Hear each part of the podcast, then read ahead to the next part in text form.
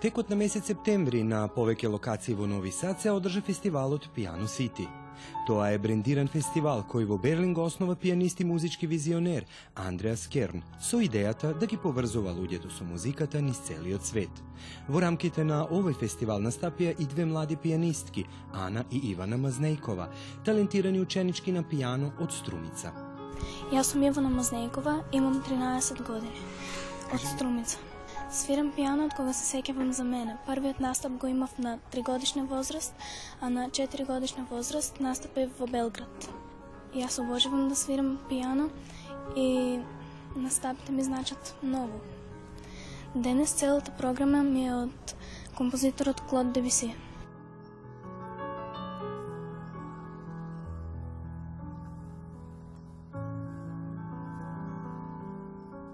Јас сум Ана Мазнекова и имам 9 години. Јас се секувам дека првиот настап ми беше на 3 години, а на 4 годишна возраст свирав во Белград. Јас го обожувам пијаното, бидејќи ја сакам музиката. Денеска ќе ви отсвирам а, две двогласни од Бах, Моцарт Сутанта и Брукмилер. Овој фестивал звучно го трансформира урбаниот простор. Клавирската музика од концертните дворани се префрлува на улиците, плоштади, музеи и на секој чекор музиката ги разгалува срцата на граѓаните, љубителите на музика и случајни минувачи.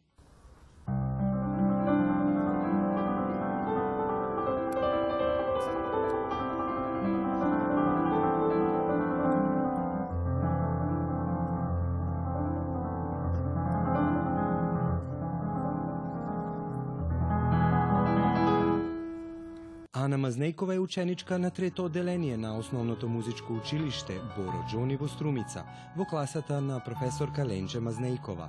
А Ивана Мазнејкова е ученичка на седмо одделение во истото училиште во класата на професор Зоран Мазнејков, кој помно ги следа настапите на овие две мощни талентирани пианистки. Стварно би сакал да се заблагодарам на Радио Телевизија Војводина и на вашата иницијатива да се сретнеме денеска овде, тука во Футушки парк. А, би сакал да ја поздравам македонската заедница која што живее во Војводина и особена чест и задоволство ми е денешниот разговор со вас. Моето име е Зоран Мазнејков, доаѓам од Струмица, наставник по пијано во Основното музичко училиште Омо Боро Джони од Струмица. И денеска сме тука да свириме за војводинската публика на во рамки на фестивалот Пијано Сити Нови Сад. Работата ја работам со љубов, уште од самиот почеток до денес и а, предизвикот е голем. На крајот, доколку резултатите се убави, а најчесто се убави, и задоволството е големо. Ивана Јана Мазнејкови се а, познати млади пианистки од Македонија, имат настапувано во Лондон, Париз, Милано, Бари, Брисел, а, Рига, во 36 големи европски градови.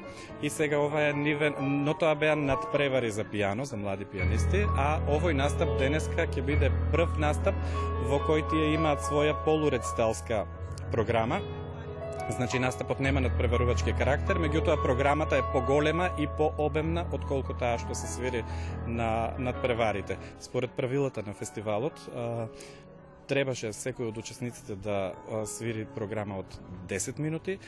Ние случајно конкуриравме со програма од 25 минути за секоја одделно и баш бевме изненадени кога ни стигна одобрување на апликацијата со целосната програма. Така да, ете, ќе биде предизвик вечерва.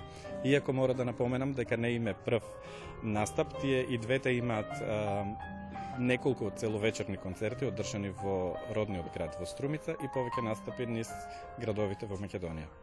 Уште од самиот почеток, значи кога се родија и двете, а, се вклучени во нашата работа. Ги среќаваа учениците со кои што ние работевме и тие а, уште од самиот почеток на нивниот живот а, веќе имаа познавање од музиката и прашањето на почеток беше дали ние ќе ќе свириме за роднините и за пријателите дома или ќе ги представиме пред поширока јавност.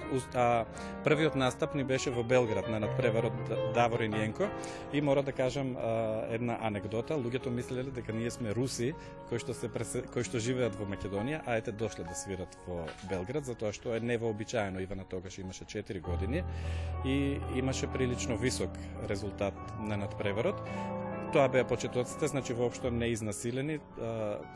потикнати од и хранети со голема љубов и од наша страна, но и нивна природна љубов спрема музиката. И мора да напоменам дека неколку години подоцна пак Ивана беше лауреат на истиот надпревар во Белград, а сестра Јана беше главен против кандидат за истата титула на надпреварот. По успешноста во Берлин, Милано и Наполј, Пиано Сити дојде и во Нови Сад. Овој фестивал го започна Сдруженијето Мисти Ленд, со цел Нови Сад како идна европска престолнина на култура да стане дел од прекрасната Пиано Сити мрежа и да го воведе овој фестивал во туристичката и културната мапа на градот. Гледате палету. Избор из емисија на језицима националних заедница.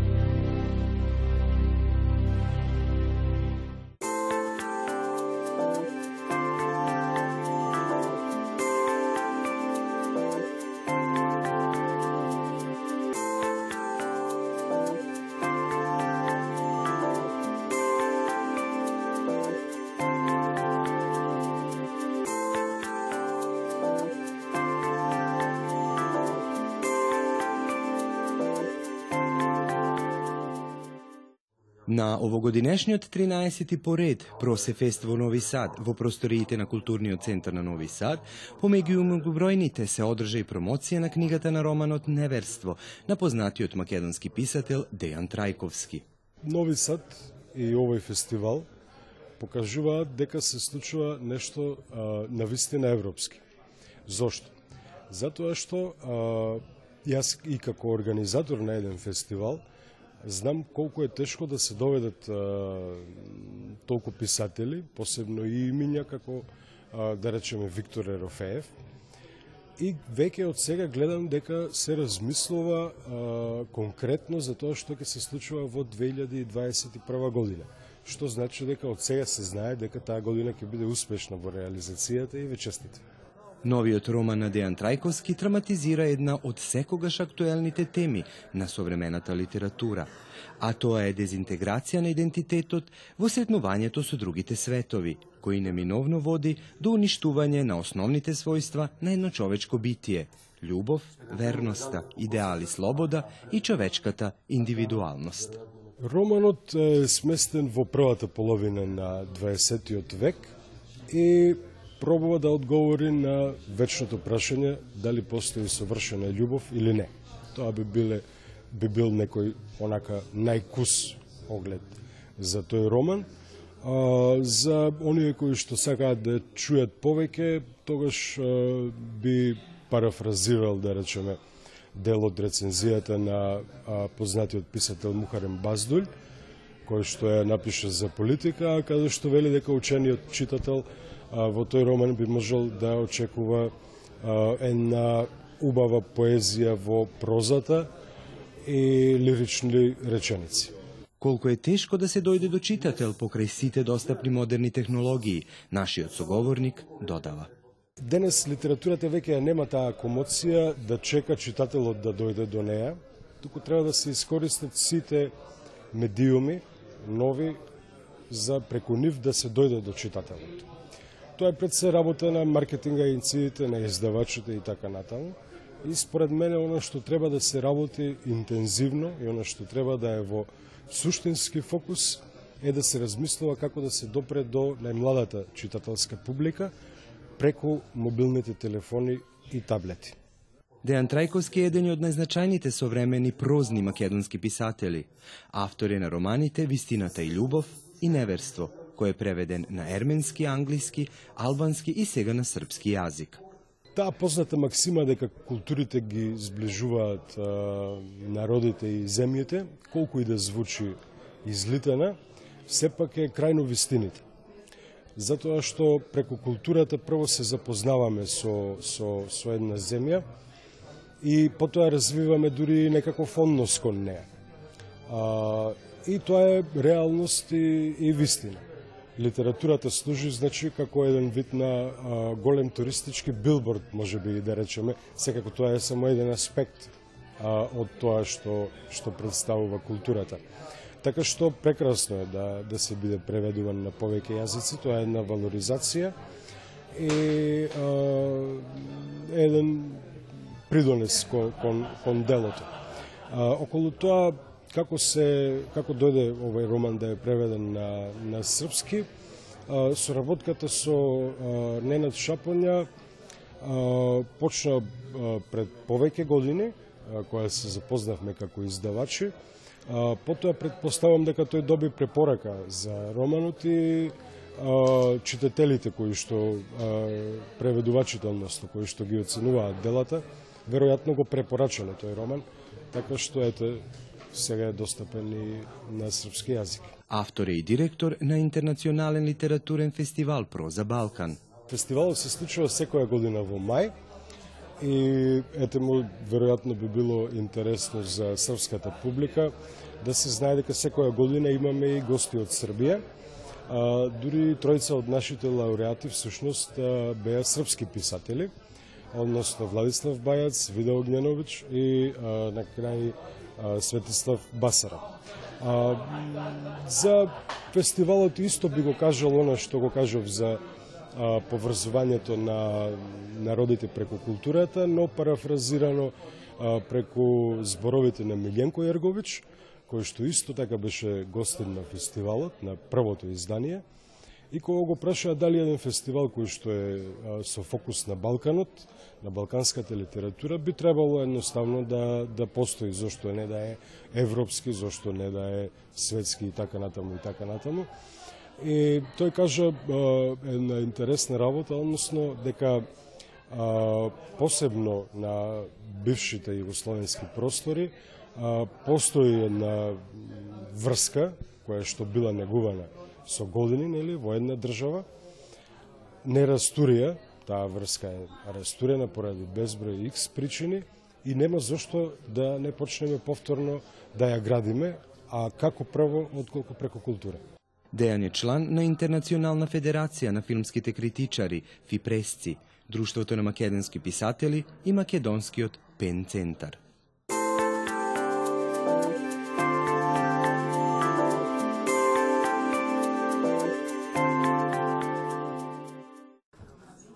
Во просториите на Установата за култура Стари град на 17 октомври, а по повод 11 октомври, денот на народно-ослободителната и антифашистичката борба и 23 октомври, денот на македонската револуционерна борба, Сдруженијето на македонците Македониум од Белград во соработка со Македонската кинотека прикажа филм Балканот не е мртов на режисерот Александар Поповски. Конечно ќе го обедини стариот континент.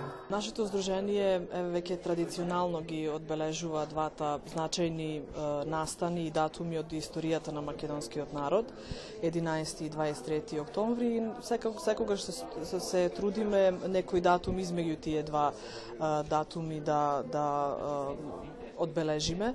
А, така да еве а, години наназад го одбележувавме и го чествувавме со а, низа манифестации, со трибини, предавања, концерти. Ова година се определивме за проекција на филм. А, тоа е еден современ македонски филм Балканот не е мртов во соработка со македонската кинотека која ни а, обезбеди која ни го обезбеди филмот и ни овозможи да го прикажеме вечерва и во соработка со установата за култура а, Стари град со која веќе исто така традиционално соработува.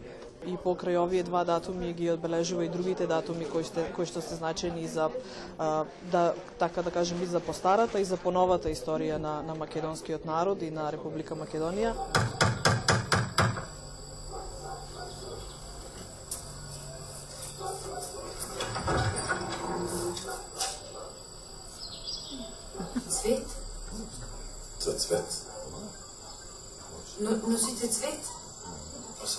Балканот не е мртов е современ игран македонски филм во режија на Александар Поповски и по сценарио на Дејан Дуковски. Радњата на филмот е сместена во 1903 година, кога почнуваат да се случуваат некои промени во Европа и една форма како тоа све влијае на, на Балканот и на овие простори.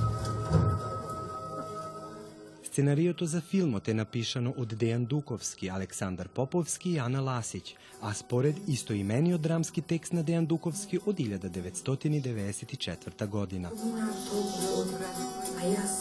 Вечер имаме посебна чест и задоволство да гледаме еден многу реномиран македонски филм во режија на Александар Поповски, Александар Поповски исто така многу познат режисер кој освен на, на овие простори режира во, во, во странство. А, има доста добра соработка со Југословенско драмско пазариште тука во Белград. Денеска е директор во а, Националниот театар во Марибор. И овој филм му е еден од можеби најдобрите филмски проекции на овој режисер затоа што е несекојдневен и различно од другите филмови, ќе видите самиот филм е представен како комбинација на театар и филм, значи еден мултимедијален филм во кој се вклучени доста и македонски, меѓутоа и српски српски глумци и а, ние како македонци баш се гордееме на, на, на, на, на овој филм, на, на творештото на Александар Поповски и предлагам а, секој кој го нема погледнат овој филм да го погледа. Денес над Македонија се раѓа Пеачката група при Издруженијето Македониум ја збогатија ова вечер со интерпретирање на македонската химна. Македонците се бора. Здруженије Македониум со проекција на овој филм дава добар пример како се зачувува македонската култура на овие простори. Тишката му е најверна љубовница, а барутот најубав мирис. Убил повеќе турци од колку што јас имам години. Се слуша дека низ телото му кружа девет куршуми. Шест. А, и еден е многу.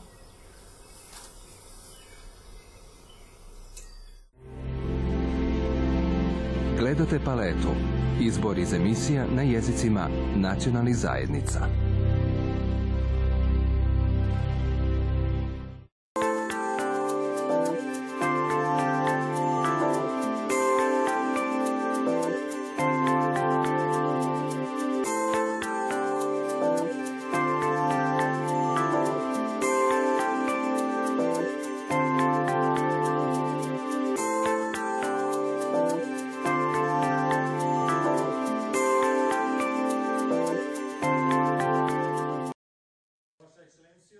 По повод 11 октомври, денот на народно-ослободителната и антифашистичката борба на македонскиот народ, на сцената на детскиот театар во Суботица, Сдруженијето Илинден Суботица организираше вечерта на македонската култура. Заиста сам среќен што ќе ćete испратите ово наше прво вече македонска култура кое се презентuje негде овако у овакvom обиму. A, negde moja ideja jeste da se držimo osnovno načela i ono što kažu, što piše u statutu, a to i upravo jeste negovanje kulture i tradicije.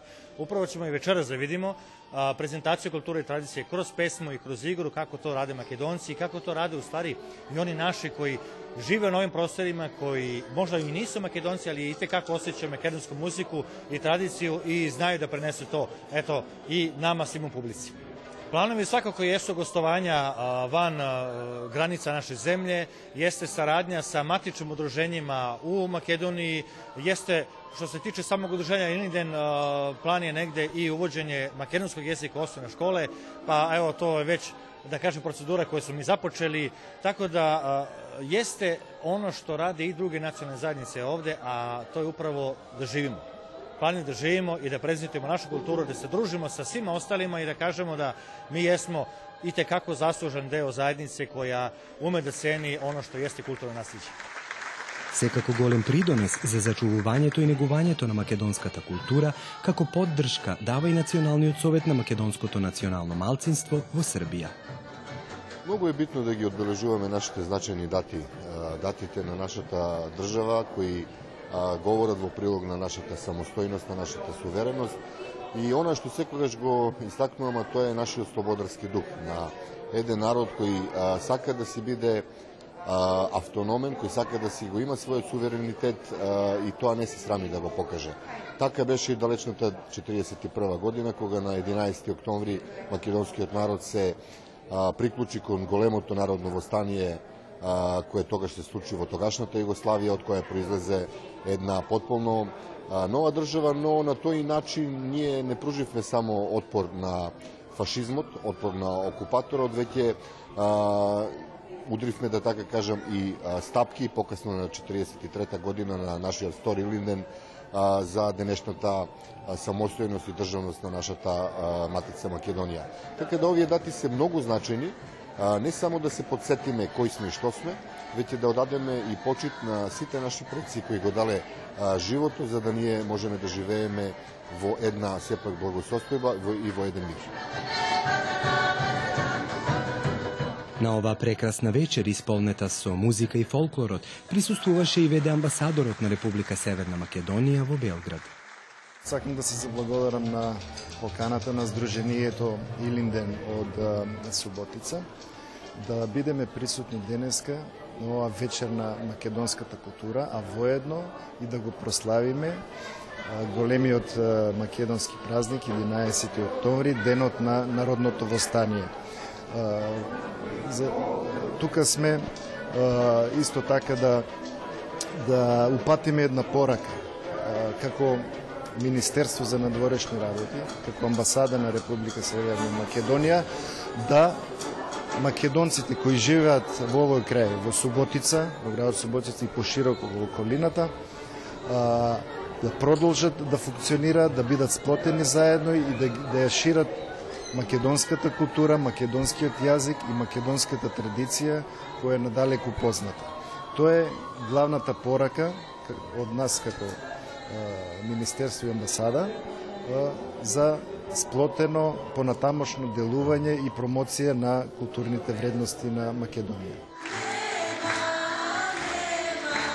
На оваа патување низ Македонија не водеа извонредни изведувачи.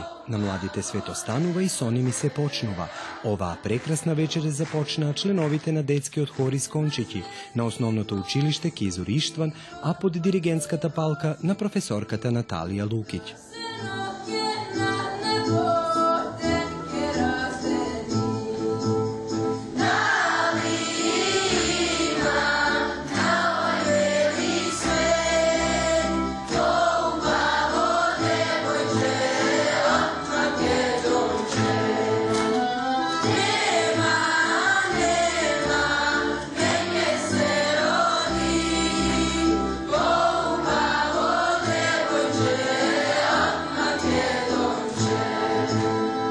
Потоа, со своите прекрасни гласови, се представија членовите на црквениот хор Свети Рован Мелод под диригентската палка на професорката Драгана Николиќ.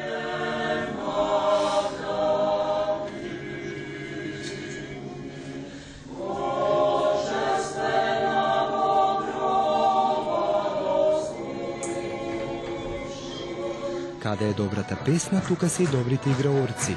Така со игри од Македонија се представија членовите на Окуд Младост.